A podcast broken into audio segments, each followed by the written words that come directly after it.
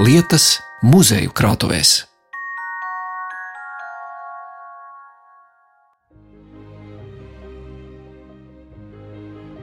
Mans rožu krūms, slings rožu krūms, kaut dārza vidū tam vieta, kad jasmīni jau smaržoja, tas tikai vēl pumpurus rieta. Bet silta nakts, bet viņa nakts, tā zināja, ko tā man iedos. Kad šorīt uz lieveņa izgāju, krūms stāvēja pilnos ziedos. Tā vienā no saviem dzējoļiem rakstīja Rudolfs Blaumanis. Eglis un dārs, kas tagad apņem braku istabu, ir viņa pašrocīgi stādīti. Viņš rūpējās par puķēm, pie ieejas durvīm un pagalmā vēl tagad aug rožu krūmi. Braku kungs bija viens no nedaudzajiem ērglēniešiem, kas toreiz rūpējās par mājas izdaiļošanu. Par māju bez kokiem viņš teica – plika kā pakaļa. Tā savukārt literatūras zinātniece Līvija Volkova grāmatā Blaumaņa zelts ir pierakstījusi rakstnieka laika biedru atmiņas. Kāpēc es stāstu par krājuma lietām Blaumaņa memoriālajā muzejā Braki, sāku ar rožu pieminēšanu, jo ieraksts tur tapa laikā, kad pagalmā ziedēja mairozīšu krūms. Tāpēc uzzināsim, ko rakstniekam nozīmēja šie ziedi. Vēl laposim divas grāmatas, kas ir nākušas klajā paša Blaumaņa apgādā, un muzeja vadītāja Zinta Saulīte atklās, kā brakos nonāca viens no eksponātiem. Tagad ejam iekšā braku pagalmā.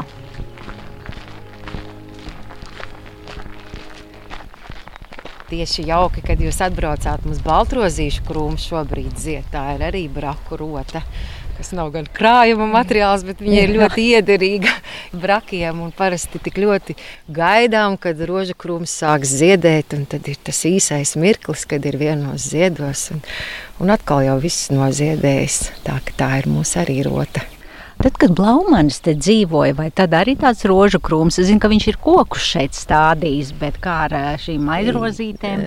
Mairozīti Blaumanis arī esot iestādījis pagalma vidū. Vispār Blaumanis mīlēja rozes, viņam patika pie mājas augu rozes. Mums ir arī vecās fotogrāfijas, kad rožu krūms pagalma vidū ir nostāsts, ka viņš no mūžas atnesis šos mazos stādiņus un ieaudzējis, un baltrozīšu krūms te ļoti labi jūtas. Un, un, un ik pa laikam mēs viņu tur sakopjam, izņemam sausos zarus, lai atkal tā rozīte tāda skaista aug. Un arī Blaumanim tā tā ilgā gaidīšana, kad ir mazie pumpuriņi, kad viņi atvērsies. Tiešām ziedēšana parasti ir viena nedēļa. 1898. gadā Rudolfs Blaumans dienas grāmatā raksta: 3. jūnijas - baltajām rozēm ir pumpuri, jasmīns arī grib ziedēt, sarkanās rozes vēl nedaudz kavējas. Ieraksts 5. jūnijā - zied baltās un sarkanās rozes. Tik tālu par braku saimnieka mīlestību uz ziediem, bet turpinājumā muzeja vadītāja Zinta Saulīte aicina iekšā mājā un rakstnieka darbistabā iepazīstam Blaumaņa kaislību uz grāmatu lasīšanu. Nu, lūk, ja runā par krājuma vērtībām, tad pirmais noteikti ir jāmin tie oriģināli priekšmeti, kas ir saglabājušies, kas ir tiešām saistīti ar Rudolfu Blaumani. Un tad, kad Braku muzeja veidoja tātad pirmsākumu, ir 1958. gads, kad atjaunoja šo dzīvojamo māju. Tad muzeja vadītājs Jānis Čirškāns, protams, viena lieta ir atjaunot ēku un līdzīgi kā tas bija Blaumaņa laikā, Otra lieta ir, nu, ko tad liks tajā mājā iekšā, jo nekas jau tā īsti nebija saglabājies. Tāpat pēc rakstnieka nāves 1908. gada ir vairākas ģimenītes te dzīvojušas un mitinājušās ar savām mantām un lietām. Nu, ko Čirškauns dara? Pirmkārt, viņš dodas, kā mēs sakām, muzejnieka ekspedīcijā uz tuvāku un tālāku apkārtni. Daudzi priekšmeti mums ir atnākuši no vecpiebalgas puses. Daudzi tepat no ērgļiem, no Madonas puses. Un eh, Čirškāns dodas arī uz eh, Rāņa literatūras muzeju. Jo literatūras muzejā ir tā saucamais Blaumaņa fonds, kur ir pirmsākumi saistīti ar Jāni Gresti, kas izveido 20. gados pedagoģisko muzeju, kas ir rakstniecības muzeja pirmsākumi. Un tur šajā gadījumā literatūras muzejā ir gana daudz blaumaņa lietu. Un uz brakiem tiek atvests blaumaņa grāmatu plaukts, grāmatu skapis, puķu galdiņš, vāzīte un arī kažoks. Un no šiem uh, oriģinālu priekšmetiem, nu, manā skatījumā, ir vērtīgākais grāmatu skapis. Tad dodamies pie grāmatu skapja te arī bija agrāk tik zems tās durtiņas. Jā, jā durtiņas tas jau ir praktiski iemeslu dēļ. Jā, lai, lai siltumu aizturētu. Un tā filozofiskā skaidrojums, lai cilvēks ienākot tā kā paklanās, pieliec galvu, jo mūsu senči no vienas puses ir tīri praktiski, vai tur lodziņi mazi, durtiņas zemes, vēl kādas nianses, bet visam pamatā ir arī tā saikne ar dievībām, ar dievišķo pateikšanās, un tad arī ir durtiņas zemes, kā mēs cieņu izrādām. Jā, mēs iesim vēl dziļāk uz eh, rakstnieka istabu. Grāmatu plaukts, tātad viņš stāv rakstnieka istabā. Mums te ir vairāk novietotas grāmatas vācu valodā. Blaumaņa laikā iespējams, ka grāmatu plauktā bija maz grāmatu, jo grāmatas bija dārgas. Lauku sētā varēja kādus kalendārus iegādāties. Protams, Bībele bija cieņā un godā. Rakstnieka tēvs bija tāds arī ļoti reliģijos cilvēks. Un tad, kad muzeja izveidoja, protams, ir dažādi varianti bijuši, ko novietot grāmatu plauktā. Šobrīd tie ir eh, izdevumi, kuri vācu autori, jo vācu literatūra ir pamats, pamats bāzi, uz kā Blaumanis ir, varētu teikt, veidojis sevi kā rakstnieku. Jo Vecāki gribēja, lai Blaumanis gūst tādu ļoti vācisku izglītību. Viņš ir mācījies skolās, kur ir viss tikai vācu valodā gan tādā meiteņu privātu skolā, gan Rīgā Vācu tirsniecības skolā.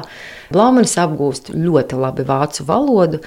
Un jau meiteņu skolā mācoties, kur arī runā par vācu literatūru un lasa, viņš ļoti iemīl literatūru kā tādu, un pats ir nolēmis, ka viņš kļūs par rakstnieku. Un patiesībā ļoti labi, ka Blaumanis iepazīst vācu literatūru, jo latviešu literatūra 19. gadsimta otrā pusē vēl tikai veidojas, Un tad, kad Blaumanis aug, arī viņa bērnības, jaunības gadi, varētu teikt, ka latviešu literatūra vēl ir bērnu autiņos. Un tad nu, vācu literatūra, gan Gēte, gan Šillers, arī dažādi vācu autori, kas ir vairāk tieši varbūt arī literatūras teoriju rakstījuši, tie ir pamats Blaumanim. Un, laikam, vāciskajam ir jābūt pateicīgam, jo, ja nebūtu šī blaumaņa vāciskā izglītība, vāciskā literatūra, ko viņš ir lasījis, par ko viņš ir jūsmojis un kur viņš ir ļoti iedziļinājies, iespējams, ka mums nebūtu tik talantīga rakstnieka, jo mēs blaumanu uzskatām par ļoti latvisku, Un tā pašā laikā arī ļoti kvalitatīvs ir tas viņa veikums, ko ir izdarījis. Gan kā ir literārie darbi veidoti, uzbūve tēli, Tur visa pamatā tomēr ir literatūras teorija un zināšanas. Nu, lūk, un šobrīd mūsu grāmatplauktā rotēs tātad vācu autoru darbi. Tās ir gana senas grāmatas, varētu būt 1900. gadu sākums, tāpēc šīm grāmatām gods ir Blaumaņa grāmatplauktā ļoti vienkāršs un primitīvs. Jā, plaukts. jā, brakos vispār eh, visas lietiņas un braku tā dzīve bija ļoti vienkārša, pieticīga. Mājās nekā īpaši lieka, nebija arī nekādas greznuma lietas. Tāda pieticība, jo braku zemīte ir smaga, mālaina. Grūti bija arī nopelnīt kādu lielāku naudu, jo bija jādod mužai rente kārtējā. Arī kalpiem bija kaut kas jāsamaksā. Brakos bija parasti seši kalpi, arī viņiem pa gada griezumā alga bija. Nu, tad, cik tās naudas palika, tad arī tā vēlme savu dēlu Matīsam un Karlīnai Blaumaņiem izskolot vēlāk. Arī Arvīts, otrs brālis. Tā ka naudiņas vienmēr pietrūka, naudiņas bija mazs, un Rudolfs Blaumanis bija pieredzējis dzīvot pieticīgi. Vēlāk, kad viņš mitinājās Rīgā, viņam bija ļoti daudz draugu, tāpat jaunie rakstnieki, radoši cilvēki, arī viņi bija dažādi. Katram šī dzīvošana, bieži vien arī viņi dzīvoja trūcīgi, un vienam otram ar tās kapeikas pie dvēseles nebija. Tad nāca pie Blaumaņa, un ja Blaumanim bija kāda kapeika nauda, viņš ir izpalīdzējis. Tas, pats ir sapratis un zināja, ko nozīmē trūkumā dzīvot. Tā, tāds ārkārtīgi nu, labestīgs cilvēks bija, dāsns arī. Lasot arī Braku bijušās muzeja vadītājas Annas Kuzinas grāmatu par Blaumani, es sapratu, ka nu, viņš bija labā nozīmē apsēsts ar tām grāmatām, ka viņš pat ir aizgājis tur uz ērgļu krogu spēlēt kārtas. Viņam tā kārtas spēle īpaši nav patikusi, bet viņš ir eh, spēlējis, laimējis naudu un par to laimēto naudu pasūtījis grāmatas. Viņš pat mammai nav teicis, jo mamma bija, nu, es saprotu, tad, lai arī ļoti mīlējis to dēlu, bet nu, tāds praktisks ievirs un tajā laikā, nu, ko tu, tu izķērnā naudu un pasūti grāmatas, būtu ko derīgi tur nopirkt. Jā. Ar grāmatām ir tā, ka ērgļos, tad, kad bija mācītājs Arnolds Zunte, Viņam bija arī ļoti laba biblioteka, un viņš ir Blaumanim tiešām devis lasīt grāmatas. Tad ir, kā jūs teicāt, mammai nepatika, ka lasa grāmatas, un viņa īsti to neuzskatīja par vērtību. Kur nu vēl, ka Blaumanis izvēlas kļūt par rakstnieku. Un tad viņš tiešām grāmatas viņš ņēmis, lasījis, bet tad pazakšus tā klusā, vai ka mamma neredz, lai nesāpinātu savu mammu, jo Blaumanis ļoti savu māti mīlēja. Mātes vēlme, lai dēls kļūst par smalku vācu kungu, diemžēl neīstenojās. Bet vēlāk gan mamma pieņēma Rudolfa Blaumaņa izvēli. Visādi citādi viņš gāja kā mammai par labu, izglītojās, apguva vācu valodu. Bet kaut kādā brīdī Blaumanis iet savu ceļu, latviskuma ceļu, kļūst par rakstnieku, žurnālistu arī, kas nav īsti vēlamo profesiju rakstnieku māmuļai. Bet šī mīlestība un savstarpējā sapratne un cieņa nezuda gadu ritmā. Vienkārši viena pie otra bija jāpieslīpējas, jāpieņem, un mamma jau laika gaitā to arī izdarīja. Nekas jau cits neatlika.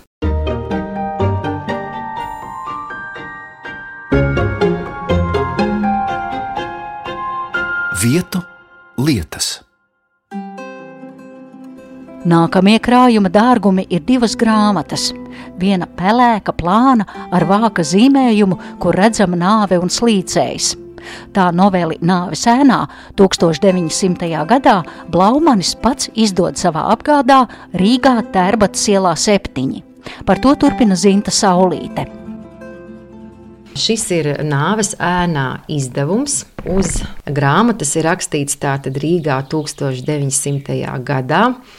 Un nāves ēnā top 1899. Eh, gadā. Ir tā, ka Blaumanis eh, izlasa avīžu rakstu, ka pie Igaunijas krastiem ir tāds ļoti liels ledus gabals atdalījies ar vairāk nekā 200 zvejniekiem. Daži no viņiem ir izglābti, pārējo liktenis nezināms. Un Blaumanim tik dziļi iesēdās šī doma, Varbūt es varētu novelu uzrakstīt. Blaumanis gan nav pie jūras dzīvojis, un, un zvejnieku dzīve viņam ir sveša. Bet tā ideja viņam iepatīkas. Viņš domā, bet es uz ledus gabalu uzlikšu ēgļu cilvēkus. Ar draugiem viņš daudz runā, ko varētu darīt uz ledus gabalu. Vai viņš peldētu, varbūt tas ledus gabals jau tūlīt varētu apgāzties, iekrist jūrā iekšā. Viņam vajadzēja to visu tā diezgan realistiski izdomāt. Un apmēram nu, nepilna gada laikā šī ideja ir auklēta, un gada nogalē 1899. gada novembrī viņš palūdz uh, no sava žurnālista darba, lai iedod trīs brīvas dienas, un trijās dienās Blaumanis uzraksta nāves ēnā. Viņš esot ēdis ļoti daudz šokolādi, uh, intensīvi strādājis, un darbs ir uzrakstīts un pabeigts. Un tad, kad nāves ēnā ir uzrakstīts, pirmais variants, kur var nu, iepazīties ar viņa darbu, tas ir mājas viesa mēneša raksts. Viņš pats strādā mājas viesī, un grāmatiņai ir kā, nu, nākamā iespēja doties pie lasītāja. Un e, Tērbatas ielā Laumanis bija iecerējis veidot savu grāmatu veikalu. Grāmatu veikals gan nesot pastāvējis ilgu laiku, jo rakstnieks ir sapratis, ka viņš jau nav tāds tirgotājs, un tomēr veikalā ir jābūt arī šādām zināšanām, lai ir kāda peļņa. Un var saprast, ka ir nodevis kāda cita rokās, kas šo darbu turpina, bet nu, fakts kā tāds ir. Un arī nāves ēnā grāmatiņa, kas ir iznākusi Rudolfa Blaumaņa apgādībā.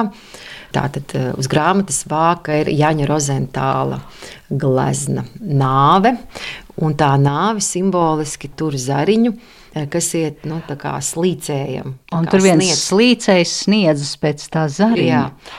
Janis Rozentāls šo gleznu jau ir radījis iepriekš kādu laiku, no ka tā ir speciāli vienojās, kad būs saistībā ar grāmatu, bet likās ļoti piemērota grāmatas vākam.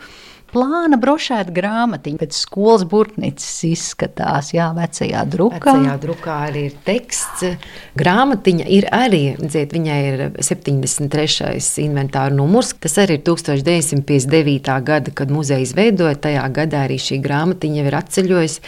Tā, tas ir tāds vērtīgs iegums jau muzeja pirmsākumos arī, protams, ļoti saudzīgi. Mums pret viņu ir jāizturas un, un, un stāv mums aploksnītē un krājumā skaisti glabāta, lai, lai vēl ilgs mūžs. 1899. gada novembrī Blaumanis publicēja sludinājumu, ka drīzumā atvērs grāmatu un rakstām lietu pārdotavu. Reizē ar to Blaumanis paziņo, ka pirms Ziemassvētkiem izdos Andrieva Niedras un savus dzējoļus kopīgā krājumā. Veikals tiek ierīkots un atvērts, bet pastāv tikai trīs dienas, jo Blaumanis satopas, ka viņam draud iekrišana un pārdod visu ierīkojumu tirgotājam Ozoliņam. Tā lasām Annas Kuzinas grāmatā Blaumanis tūplānā. Braku muzeja vadītāji manā priekšā noliek minēto grāmatu, kas tika izdota neilgajā rakstnieka veidotā apgāda laikā. Šis ir vienīgais dzējoļu krājums, kas iznāk Blaumaņa dzīves laikā.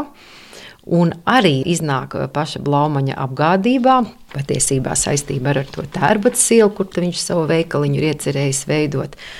Tad, kad šis dzīvoļu krājums ir iznācis, jā, te var redzēt arī abu Dubu rakstnieku tātad, portretus un parakstus.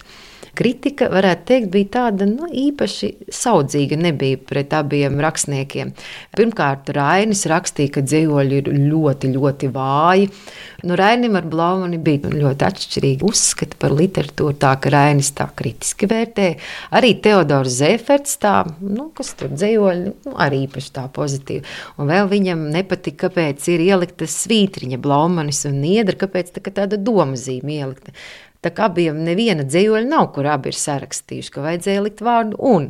Nu jā, nezinātājs, ja paskatās un izlasa Blaumaņa niedras dzējoļu, tad mēs visi domājam, kas ir Blaumanis niedras. Šķiet cilvēks ar dubultdienu viedokļi, jā. jā. Un dzīvoļi arī ir vecajā drukā, tie ir cietie vāki, eh, sarkanā krāsā. Nu, jā. Mani ieinteresēja tas, ka es redzu to blaumaņa apgāds, un kā jūs teicāt, lai grāmatu izdot, un gan to laiku, gan mūsdienās ir vajadzīgi līdzekļi. Blaumanis jau nebija tik turīgs, bet no kurienes, jā, viņam bija šie līdzekļi, jā, ka viņš varēja uzlikt, ka tas ir blaumaņa apgāds. Nu, viens no ienākumiem tātad, tas ir žurnālista darbs, kas deva tādus regulārus ienākumus. Protams, arī Blaumaņa darbi, ko viņš rakstīja, arī tie ienes kādus honorārus un arī jebkuru darbu, ko publicēja. Tā laikā, protams, biežāk tie, tie ir laikraksti vai Tad, kad iznāk nāves ēnā, ir mājas viesa mēneša raksts, kuri publicēti dažādu autoru darbi. Nu, tie arī deva zināmus ienākumus. Arī Blaumaņa darbu iestudējumu teātros, arī tā bija peļņa pašam rakstniekam. Nu, tādā veidā arī uzkrājot kādu kapitālu, cik nu, Blaumanis tur varēja iekrāt, vai arī ar draugu atbalstu. Tad šī grāmata, tas veikals tā ir tāda iecerē, kurā Blaumanis tiešām ir ieguldījis naudu un laiku, bet acīm redzot, tās naudas bija arī tajā iesākumā par maz, lai saprastu, ka tur laikam nekas nesanāks. Braki jau vispār man ir tā vieta, uz kurienes braucu kā svētceļojumā. Sastapšanās ar brakiem ir ļoti dziļa sastapšanās ar blaumani. Braki ir viena no galvenajām Latvijas svētvietām. Tā par savu pieredzi strādājot Braku muzeja vadītājas amatā, grāmatā Braki Blaumanis mājas raksta literatūrzinātniece un rakstnieka dzīves un daļradas pētniece Līvija Volkova. Saistībā ar viņas vārdu uzzināsim, kā Brakos nonāca viens muzeja eksponāts. Tad, kad veidoja Braku muzeju, Protams, daudzas lietas, kā jau minēju, tie ir dāvinājumi muzejam. Arī gultiņas, daudzi krēsli, lādes, skāpīši ir atceļojušas no tuvākas, tālākas apkārtnes. Un iekārtojot tā saucamo rakstnieka istabu, kur ir bijis viņa galds un krēsls un gultiņa, tas viss tika pielāgots. Un uh, ilgu laiku šeit stāvēja gultiņa, kas ir pielāgota vienkārši koku gultiņa ar linu maisu, kas pildīts ar salmiem, ar, ar segām, kas nu laukos ir austas. Un e, pirms diviem gadiem man piezvana Līvija Volkova, tātad mūsu zināmā Blaumaņa pētniece un, un laba mūsu muzeja arī sadarbības partneris. Un Līvija, nu kā jau daudzi arī Rīgas inteliģenti cilvēki, arī viņi visi tiecas uz laukiem. Un 70. gados Līvija Volko un viņas dombiedri Gaizinkāna pusē ir noskatījuši kādu pamestu lauku māju, kur viņi varētu atbraukt, atpūsties. Viņiem patika arī slēpot, un parasti marta beigās bija iecienīta viena nedēļa, kad devās uz Gaizinkānu slēpot. Un tad tāda lauku māja bija nepieciešama tādai, nu, es teiktu, svētdienas dzīvošanai. Un tā māja ir birznieki, Un birznieku mājā, tad, kad Līvija Volko saprata, ka viņi varētu tur apmesties, tur ir bijusi kāda arī gulta un vēl kāda priekšmeti. Bet, nu, tā kā vairāk tie braucēji, tad pameklēja vēl kādas gultas no apkārtējām mājām. Un tā mm, birznieku mājā bijušas trīs tādas vecas gultas, bet labas gultas ar, ar salmu maišeļiem, varēja izgulēties tīri jauki. Un e, šajās birznieku mājās Līvija arī ir pavasarām dzīvojusi. Un tad, kad uh, dzīve varbūt piespieda, vai arī Līvija saprata, ka gan savas pārvietošanās dēļ, gan Līvija taču ir vairāk nekā 90 gadu, ka viņa saprot, ka laikam šie braucieni vairs vasarās nevar notikt agrāk, tad bija jādomā, kur dažas vecās lietas, uh, nu, kur viņas likt, jo mājas saimniekiem īsti tā kā viņas nevajag. Un Līvija piezvanīja pirms diviem gadiem. Viņa saka, varbūt, ka braki grib viņas gultiņu koka. Nu, protams, ka Braki bija ļoti priecīgi, jo iepriekšējā gultiņā, kas te bija, viņai bija arī jau viena kāja ķirmi bojāta, un mēs patiesībā viņu bijām izņēmuši un ielikuši kādu citu, kas nebija tik skaista. Un Es domāju, redz, cik skaisti sagadījās iepriekšējā gulta, kas bija arī diezgan skaista, bet nu, viņai tā ķirmi sagrauztā kāja paliek ar vien īsāku, un, un tā gultiņa vairs nu, jāņem ārā no šejienes. Ir. Un kad tā jauki iegadījās šis Līvijas telefona zvans, mēs vienojāmies, ka gultu ņemam. Un vēl bija tik jauki, ka šie bestienas saimnieki apsolījās atvest gultiņu par brīvu, neko neprasot, un atnesām un uzlikām to pašu matracīti, skaisto sedziņu un skaisti iekārtojām. Un uh, Līvija arī pēc gada atbrauca, mums ir arī fotografija, kur viņa stāv. Un, Un patiesībā šī gulta ir arī tāda pateicība Līvijai Volkovai, jo viņa taču arī ir viena no Blaumaņa faniem, tāpat kā Jānis Grestis savā laikā, un viņas pētījumi uzrakstītie. Tas ir pamatu pamats, no kā mēs daudzi vispār arī apgūstam un izzinām Blaumani. Un, un tas, ka viņa ir rakstnieka istabā, un, un, un, un es domāju, arī Līvijai tas ir liels prieks. Mēs esam priecīgi, ka tādā veidā arī viņai varam pateikties un, un arī apmeklētājiem, jo gultiņa ir skaista, skaistiem, viņam tādas, tādas smagnēji un tādas stabili izskatās. Es domāju, viņa varbūt vēl simts gadus varētu nokalpot Braku muzejā. Tad, tad, 19. un 20. gadsimta mijā darināta koka gultiņa ar virpotu kāju gali, galvu gali tāds kā, nu, aizbraucot uz brīvdabas muzeju, mēs varam redzēt šīs vienguļamās gultiņas. Mm -hmm. Un tad eh, var teikt, blaumanoloģe, blaumaņā daļradas pētniece, Jā. literatūra, vēsturniece, zinātniece Līvija Volkau, kur te izstrādājas, kur ir sarakstījis grāmatas un ir veikusi pētījumus ap un par Rudolfu Blaumani. Viņa šādā senā gultiņā savulaik gulējis, arī tepat no šī novada tā gultiņa jā, jā, tas ir no un tagad novada, Blaumaņa jā, muzejā. Jā. Tā, ka šis ir tāds viens no tādiem arī jaunajiem mm. priekšmetiem, bet nu, tāds tiešām mums pašiem prieks, ka e, dzīve izspēlē dažādas jaukas lietas, ko nevar ne iepriekš paredzēt, ne izdomāt. Un Līvijai arī tas bija atvieglinājums. Un braki un rakstnieki istaba, nu ko vēl labāku. Tā ka liktenis tā labi viss sakārtoja. Ar to arī skan stāsts par braku vērtībām, un par to paldies saku Rudolfa Blaumaņa memoriālā muzeja vadītājai Zintai Saulītei. Raidījumu veidoja Zane Lāce Paltalksne. Vietu lietas.